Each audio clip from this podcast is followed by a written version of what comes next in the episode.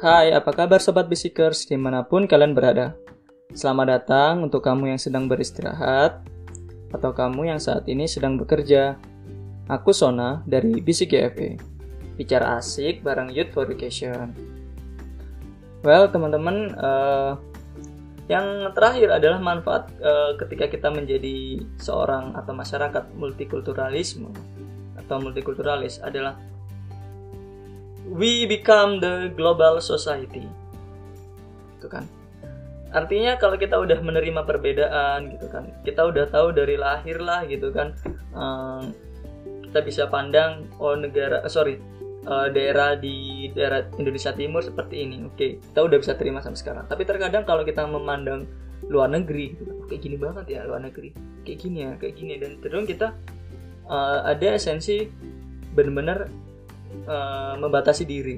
So we have uh, we limit gitu kan. We limit the boundaries okay between culture across the country. Dan uh, sebenarnya itu susah juga ya. Karena mereka punya kecenderungan-kecenderungan ya terhadap suatu hal sehingga dia membatasi atau block gitu kan. Uh, sehingga susah untuk menerima budaya dari negara lain. Kayak gitu. Tapi uh, gini.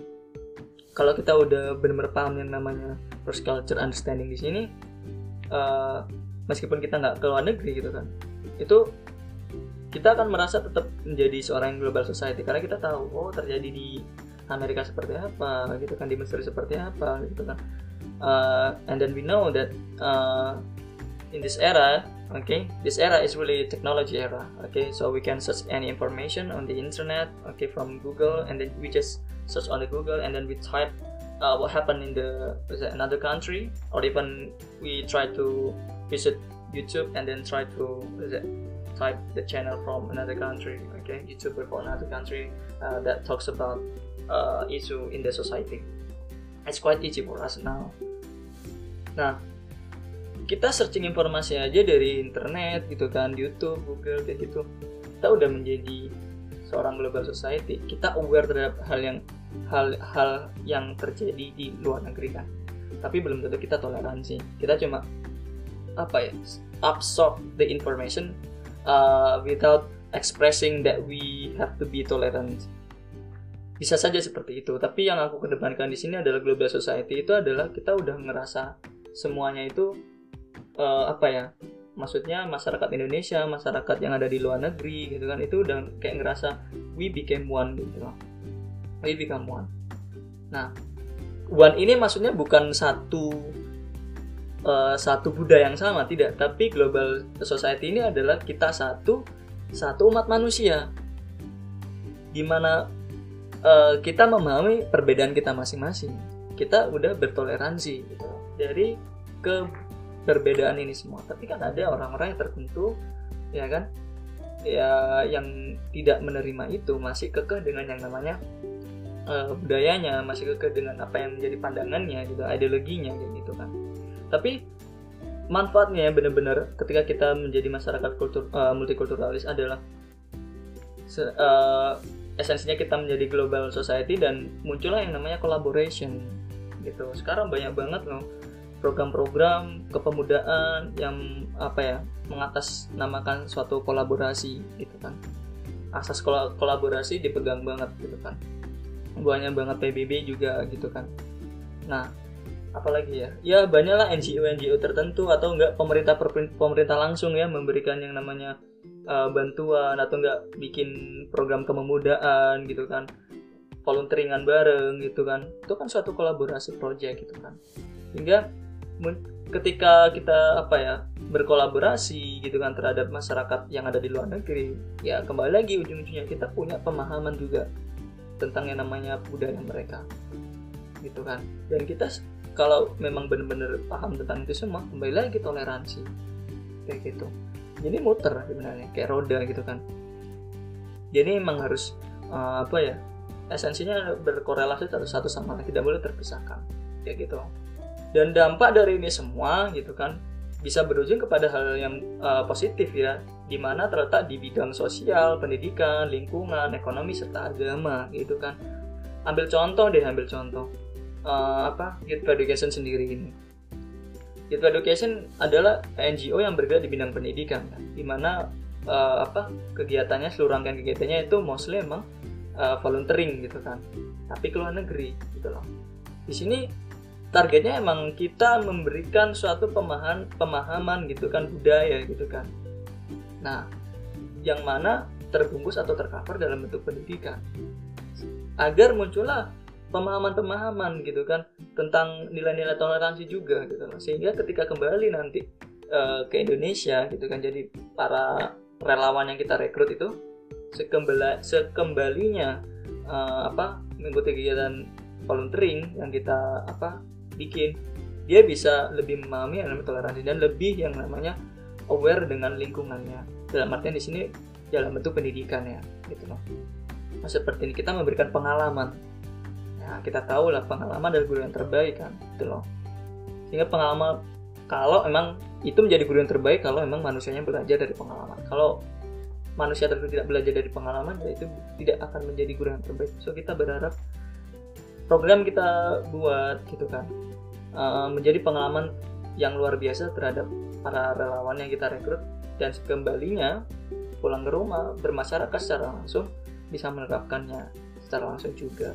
Kayak gitu. Yang aku bilang tadi ini bisa berdampak kepada konteks sosial, pendidikan, lingkungan, ekonomi, serta agama. Kayak gitu. Banyak macamnya kayak gitu. Jauh kita lebih aware. Aku ini sekedar informasi. Aku juga kan waktu volunteering entah itu ke Vietnam dan Thailand itu kan beberapa waktu yang lalu juga. Meskipun kegiatanku pendidikan ngajar tapi akhirnya aku memandang suatu agama di sini. Oh ternyata orang-orang di Vietnam seperti ini dan orang-orang yang namanya di Thailand juga seperti ini gitu loh. Dalam berbudaya eh, sorry dalam beragama gitu kan. Dan apa ya dari perbedaan ini aku tahu gitu kan. Bagaimana seharusnya aku terhadap agamaku sendiri gitu. Aku tidak menganggap diriku suci ya gitu atau udah keren banget lah agama ini enggak gitu. Tapi lebih bisa mengajarkanku tentang oh agamaku seperti ini gitu. Dalam memandang yang namanya agama lain gitu loh. Dan aku harus mempelajari itu lebih mendalam lagi. Karena agama tidak hanya perihal uh, ritual ya gitu kan. Tapi ada nilai-nilai yang lain yang memang diajarkan oleh agama gitu kan. Yang mana terkadang kita lupa tentang itu. Kita uh, apa ya bersit bersilaturahmi itu kan? Atau enggak berteman ya berkawan bersosialisasi dengan masyarakat itu juga unsur agama kan? Tapi kita tidak memandang agamanya biasanya gitu loh. Tapi hal duniawinya. Nah e, ketika aku apa ya e, volunteeringan nilai-nilai agama itu masuk dalam aku oh seperti ini oh seperti ini. Dan aku harus juga akhirnya aku memandang memang uh, secara konteks luas agama tidak hanya ritual gitu tapi hal yang lain itu bisa agama. Semua aspek dalam kehidupanku juga aku memandang ini semua agama. Kayak gitu. Itulah. Jadi kita bisa mempelajari dan akhirnya bisa apa ya e, bertoleransi dengan yang namanya hal-hal lain yang berbeda kayak gitu. E, tapi apa ya kalau kita ngebahas multikulturalisme di sini aku juga cukup menyayangkan gitu kan. Artinya kan multikulturalisme itu adalah kita tadi uh, manusia itu uh, memiliki paham tentang yang namanya perbedaan-perbedaan yang ada di sekitarnya yang mana uh, apa harus di apa diintegrasikan gitu loh. Artinya dia menerima gitu loh. Artinya ada unsur toleransi juga.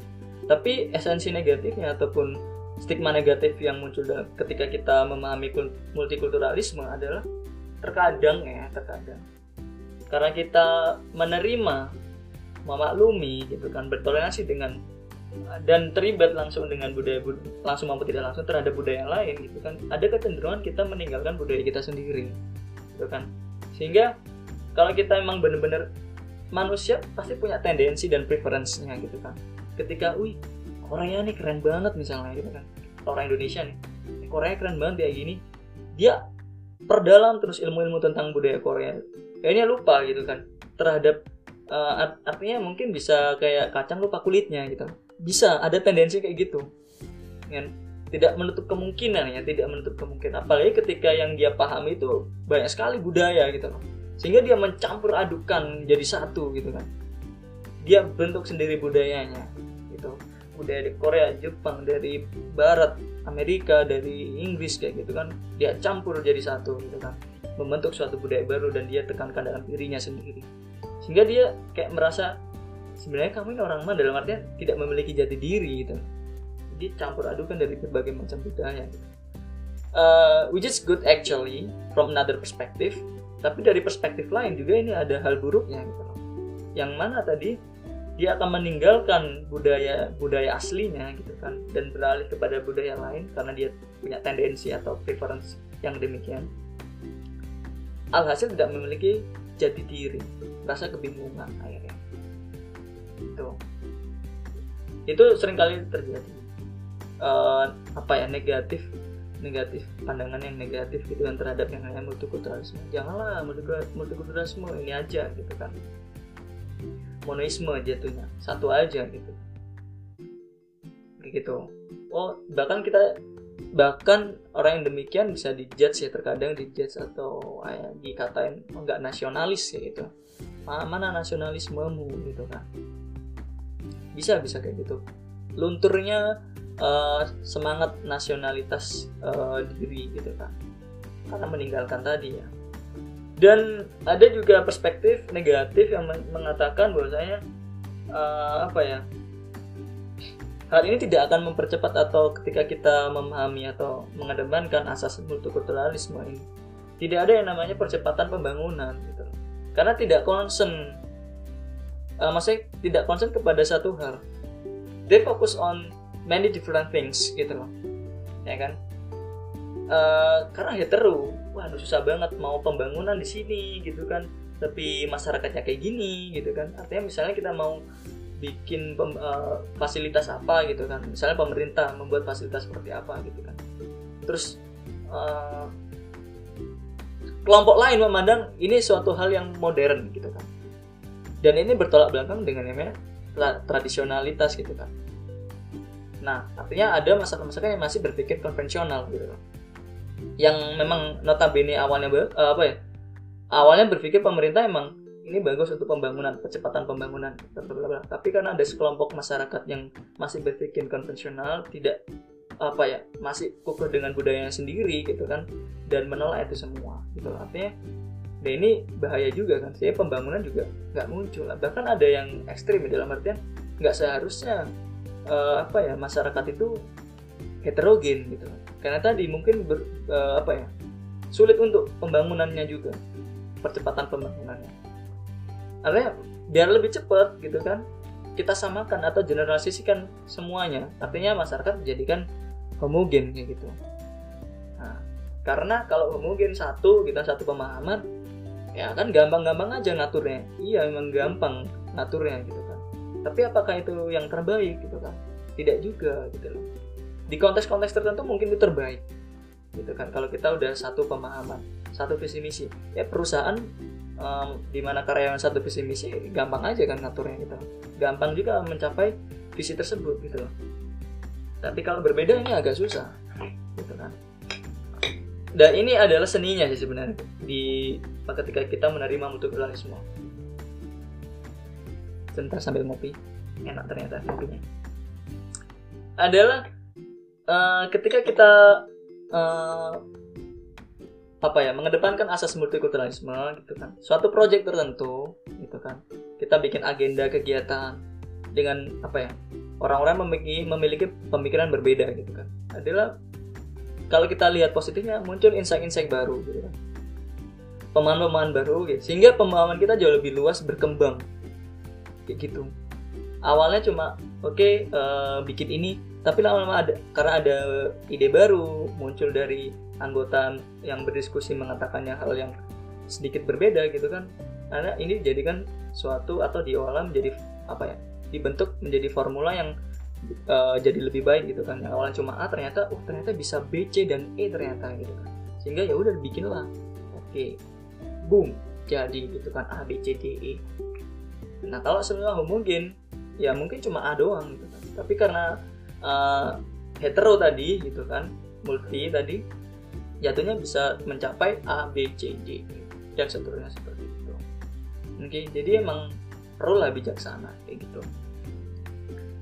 Tapi kita tidak bisa apa ya menolak stigma-stigma negatif yang muncul gitu kan terhadap yang namanya uh, apa ya multikultural apa multikulturalisme ini.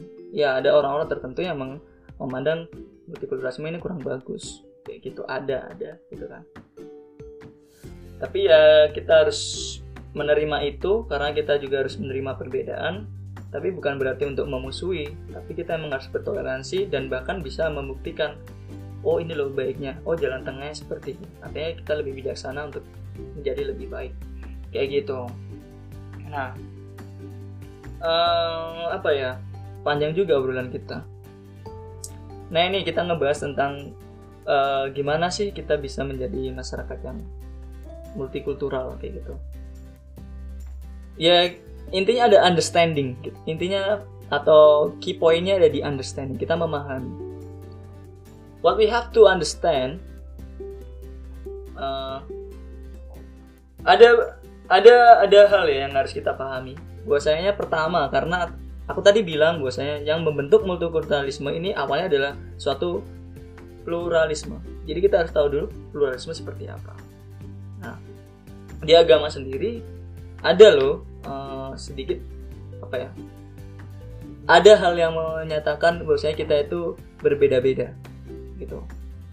Ya ini uh, mungkin udah tahu bahwasanya Tuhan itu menciptakan manusia itu kan laki-laki perempuan bersuku-suku dan berbangsa-bangsa ya kan?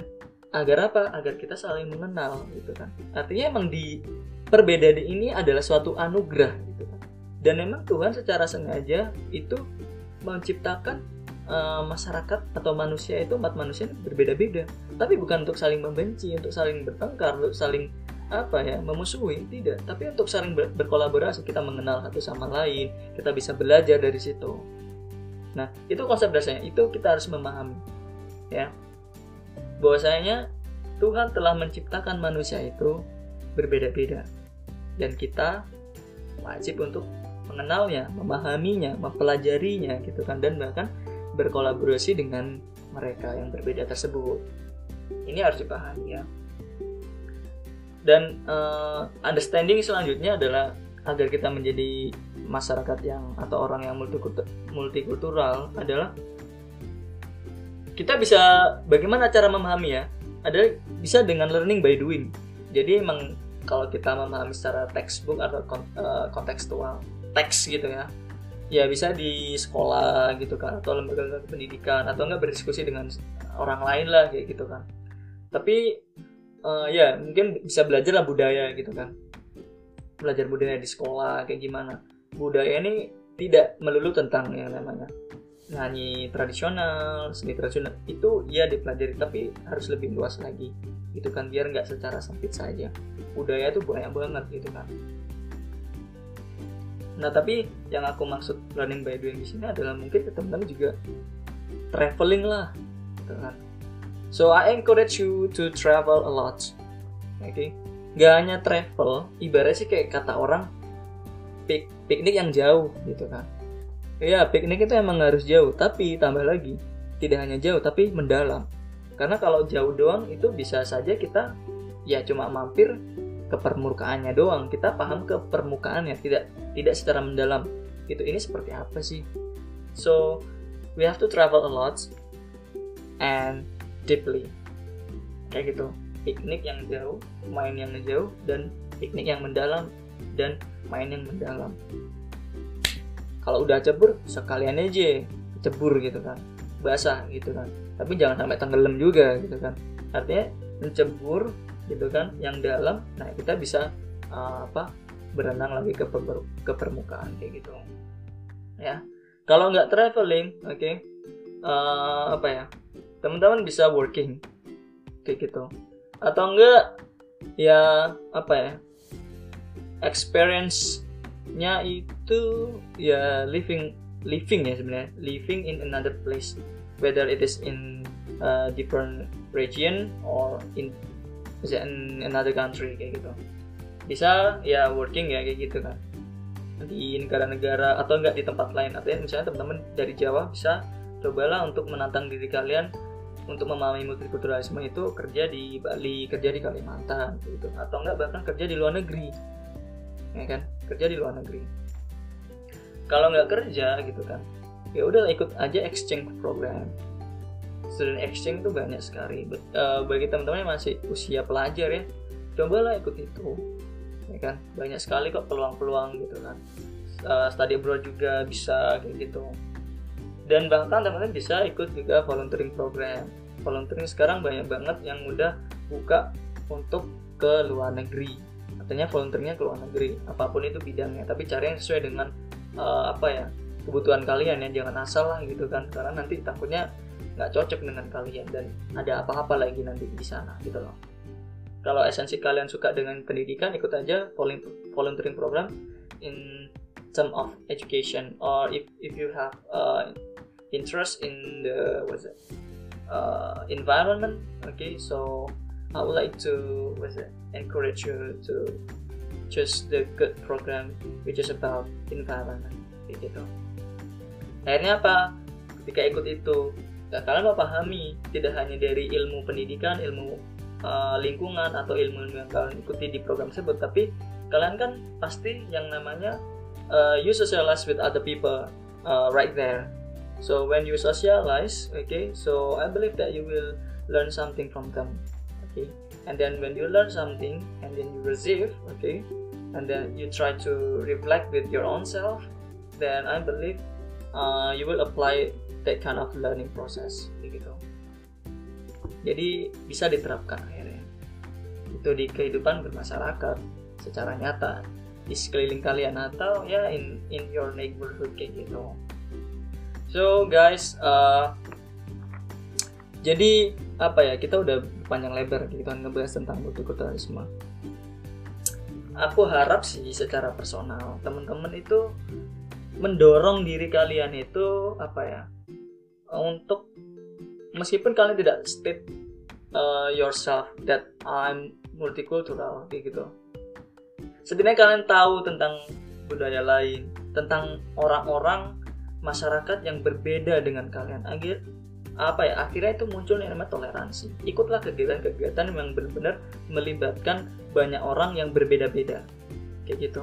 Karena kalian harus ketahui gitu kan keduluan kalian kalau kalian berada di zona nyaman artinya ya udah uh, aku dengan budaya aku aja sendiri aku nggak mengenal budaya lain adalah muncul yang namanya etnosentrisme gitu loh. Itu esensinya mungkin ada positif ya tapi uh, stigmanya etnosentrism sekarang udah negatif kayak gitu. Di mana uh, eh, etnosentrism itu sendiri maknanya seperti ini uh, aku kutip dari William Graham uh, Sumner, Sumner ya ethnocentrism is a belief that the norms, values, ideology, customs, and traditions of one's own culture or subculture are superior to those characterizing other cultural settings. Okay, I try to repeat. Ethnocentrism is a belief that the norms, values, ideology, customs, and traditions of one's own culture or subculture are superior to those characterizing other cultural settings. Jadi maknanya, uh, beliau mengatakan William Graham Sumner ini mengatakan ethnocentrism itu suatu pemahaman bahwasanya norma-norma, nilai-nilai, ideologi, uh, adat istiadat, tradisi dari uh, apa ya sekelompok culture mereka gitu kan. Sekelompok budaya sorry sekelompok masyarakat lah ya yang memiliki budaya itu uh, menganggap bahwasanya budaya mereka yang tadi yang normal value ideologi custom and tradition itu superior. Ya superior atau lebih daripada yang namanya budaya dari kelompok lain. Jadi dia punya pemahaman gue budaya aku lebih keren daripada budaya orang lain. Dan ini bahaya gitu. Kalau kita udah merasa uh, apa merasa budaya kita jauh lebih superior. Superior ya bu. Superior gitu ketimbang yang lain kita jauh intoleran gitu. artinya kita tidak intoleransi lah muncul gitu kan. Kita tidak toleransi akhirnya terhadap orang lain kayak gitu. Kasusnya adalah kalau misalnya kalau kita ke luar negeri ketemu orang Jepang biasanya orang Jepang itu kan kalau greeting atau salam itu kan membungkukkan badan gitu kan. Nah tapi kita malah mengulurkan tangan dan kita tetap bersyukur dengan namanya mengulurkan tangan untuk handshake biasanya kita handshaking kan kita nah ini ini udah tindakan ethnocentrism kita artinya ya kita menolak cara mereka tapi bersyukur dengan uh, cara kita. Itu nggak bagus. Kita harus berkontemplasi artinya kita juga harus fleksibel. Oh dia seperti itu kita harus hormati lah gitu kan. Apalagi biasanya orang uh, ya kalau di budaya Jawa itu uh, apa ya kalau ketemu orang tua gitu kan. Nah, kita kan biasanya membungkukkan badan lewat di depannya gitu kan. Untuk tanda respect kayak gitu. Tapi kalau kita ah, ngapain sih gitu kayak gini. Artinya misalnya uh, kita dari Kalimantan tidak ada budaya yang demikian ya terhadap orang tua. Tapi kita ke Jawa gitu kan dan tidak melakukannya itu pasti orang-orang uh, tersebut orang Jawa tersebut ya ngerasa ini anak kurang ajar banget sih. Nah nggak bisa lah gitu kan. Meskipun apa ya uh, kita mungkin nggak tahu kan budaya tersebut. Maka dari itu kita harus tahu banget. Ketika kalau kita tahu cross cultural understanding tadi tidak ada konflik-konflik yang demikian atau permasalahan-permasalahan yang demikian. Kita benar-benar avoid ethnocentrism di sini karena ethnocentrism esensinya juga berbahaya karena nih rasisme itu muncul. Ketika kalau kita yang namanya ethnocentrism akhirnya bullying kayak gitu. Parah-parahnya kita mengeksploitasi orang gitu kan. Karena merasa diri kita lebih baik gitu kan ketimbang orang lain gitu loh ya contohnya yang nyata adalah kolonial kolonialisme kayak gitu. Pada era Belanda kayak gitu kan terjadi. Kita bangsa kita dianggap inferior gitu kan. Sementara orang-orang Eropa superior. Mereka menindas kita. Ya ditindas lah kita. Sehingga janganlah seperti itu. Kayak gitu ya. So anak muda aku juga muda ya. Berkegiatanlah yang positif berkegiatanlah yang mana terlibat dengan banyak orang. Terlibatlah dengan banyak orang yang berbeda-beda karena kalian akan belajar lebih gitu. Khususnya tentang multikulturalisme. Sehingga kalau kalian multikulturalisme gitu kan menganut itu memegang teguh itu ya kalian akan jauh lebih baik dalam artian bisa bertoleransi karena kita adalah sosial lebih kayak gitu ya perbedaan mutlak adanya tapi perbedaan itu adalah hal atau bisa kita jadikan landasan untuk mempersatukan kita. Binika Tunggal Ika ya. Seperti itu. Well uh, apa ya mungkin itu akhir dari opini aku lah bincang-bincang sharing-sharing kayak gitu. Kalau ini bermanfaat oke okay, teman-teman apa ya kalau apa ya istilahnya itu tangkep banget banget lah gitu kan dan aplikasi dan aplikasikan ke dalam kehidupan kalian secara pribadi kayak gitu dan bisa disebarkan ke orang lain di sekitar kalian. Baliknya kalau teman rasa ini nggak penting lah udah tahu banget apa sih ini ya oke okay, kayak gitu kan. Aku harap sih teman-teman uh, apa ya tetap bertoleransi gitu ya. Oke okay, uh, eh, itu aja dari aku terakhir nih ya uh, jangan lupa ikutin terus sosial media Youth for Education di Instagram kalian bisa cari at Youth for Education ya uh, for-nya itu pakai angka 4 at Youth for Education kayak gitu Lalu di Facebook ada Youth for Education. Kita juga ada di Twitter. Teman bisa cek di @youth for educate 2. Nah, tuh itu yang terakhir itu pakai angka. Terus kalau kalian uh, apa ya, pengen tahu kegiatan kita seperti apa, teman-teman juga bisa mampir aja ke lapak kami, ke website kami ya di www.youthforeducation.org. Oke, uh, itu aja kurang lebihnya uh, mohon maaf gitu kan dan sampai jumpa di bisik podcast berikutnya bye assalamualaikum warahmatullahi wabarakatuh